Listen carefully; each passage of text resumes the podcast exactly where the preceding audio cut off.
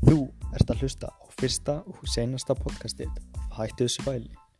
Ég heiti Mikael, en flesti kallar bara Mika. Þetta er podcast sem ég kíkir á stærstu vandamál 2001. aldar og fari verður í hvernig væri hægt að leysa þessi vandamál. Spennandi, spennandi, spennandi. En í dag ætla við að tala sérstaklega um þunglindi og hvernig þunglindi spilar inn í COVID-faraldrin sem er í gangi núna. Ég var samt fyrst að byrja að segja það er rosa erfitt að gera uh, podcast einn þannig ekki búist við að þetta veri besta podcast sem við verðum hlusta á. En heldum áfram. Eins og flestir vita þá er uh, samanlunni þjóðanar með 17 heimsmarkið og eitt af þessum markmiðum er uh, heilsa og uh, þunglindi hjá fólki hefur verið að auka skífilega og sérstaklega hjá ungu fólkinu COVID hefur spilað sinni leik inn í þennan hátt þar sem eh, fólk þarf að fara eh, vera heima hjá sér og má helst ekki hitta neitt. Þetta hefur haft áhrif á það að krakkar megi ekki mæta í skólan og fullarnir megi ekki mæta í vinnuna og líkamsrættastöðar og aðrari afþrengar séu lokaðar. Einnig eru margir eh, hrættir um að smita einhvern sem eru viðkvæmur fyrir verunni, svona sem mömmu sinna pappa, þetta við um afa. Allt þetta setur auka álag á fólk, stress og eh, þunglindi kikkar inn og þetta fyrir misjamt illa í suma. Margir hafa misti ákveðna hlutum sem þeir höfðu á, áhuga á. Aðrir eru rosar latir og fóru, að, fóru úr formi og sumir mistu einhvern sem er elsku. Það getur bæði verið einhvern sem dó eða bara þeir hægt í sambandi.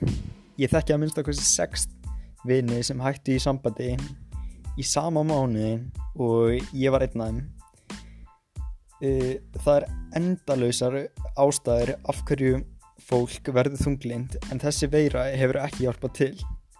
Núna er meira að segja að fólk er kljást við einmannleika, heimilsi ofbeldi og atvinnleysi sem auka líkunar á þunglindi uh, alveg rosalega mikið Það er nú þegar hægt að fá einhverja hjálp við þessum málum e, á code.is e, síðan sem talar um líðan okkar og bendir á að það er hægt að fá ráðgjöf í gegnum hjálparsíma Rauðakrossins við alls konar vandamál.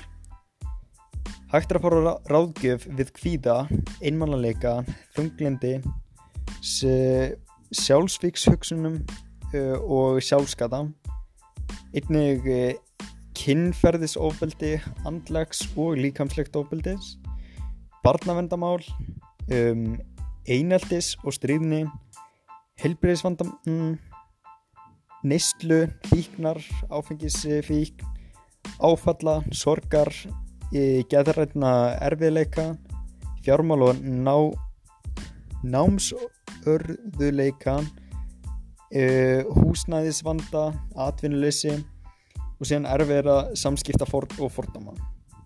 Um, hins vegar veit ég ekki hvort þetta hjálpi þeim sem eru rosalega mikið þunglindir því að minni, að minni reynslu þegar einhver er virkilega þunglindur þá þarf svo manneski að fara til sálfræðings.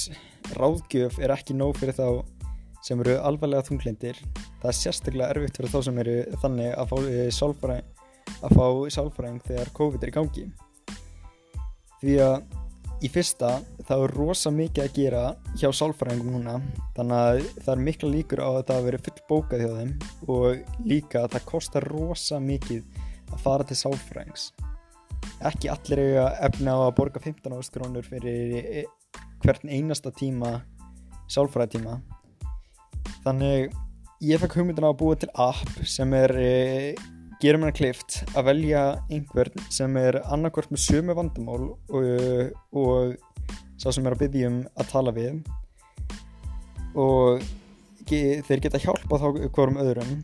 E, það getur stundum hjálpa að láta bara hlusta þegar það hlusta á mann og leiða fólki að koma fram hugsunum sinum það verður líka hægt að velja að tala við sálfræðing. Þannig þetta er þetta allt í gegnum netspjall með myndavel ef fólk kýs.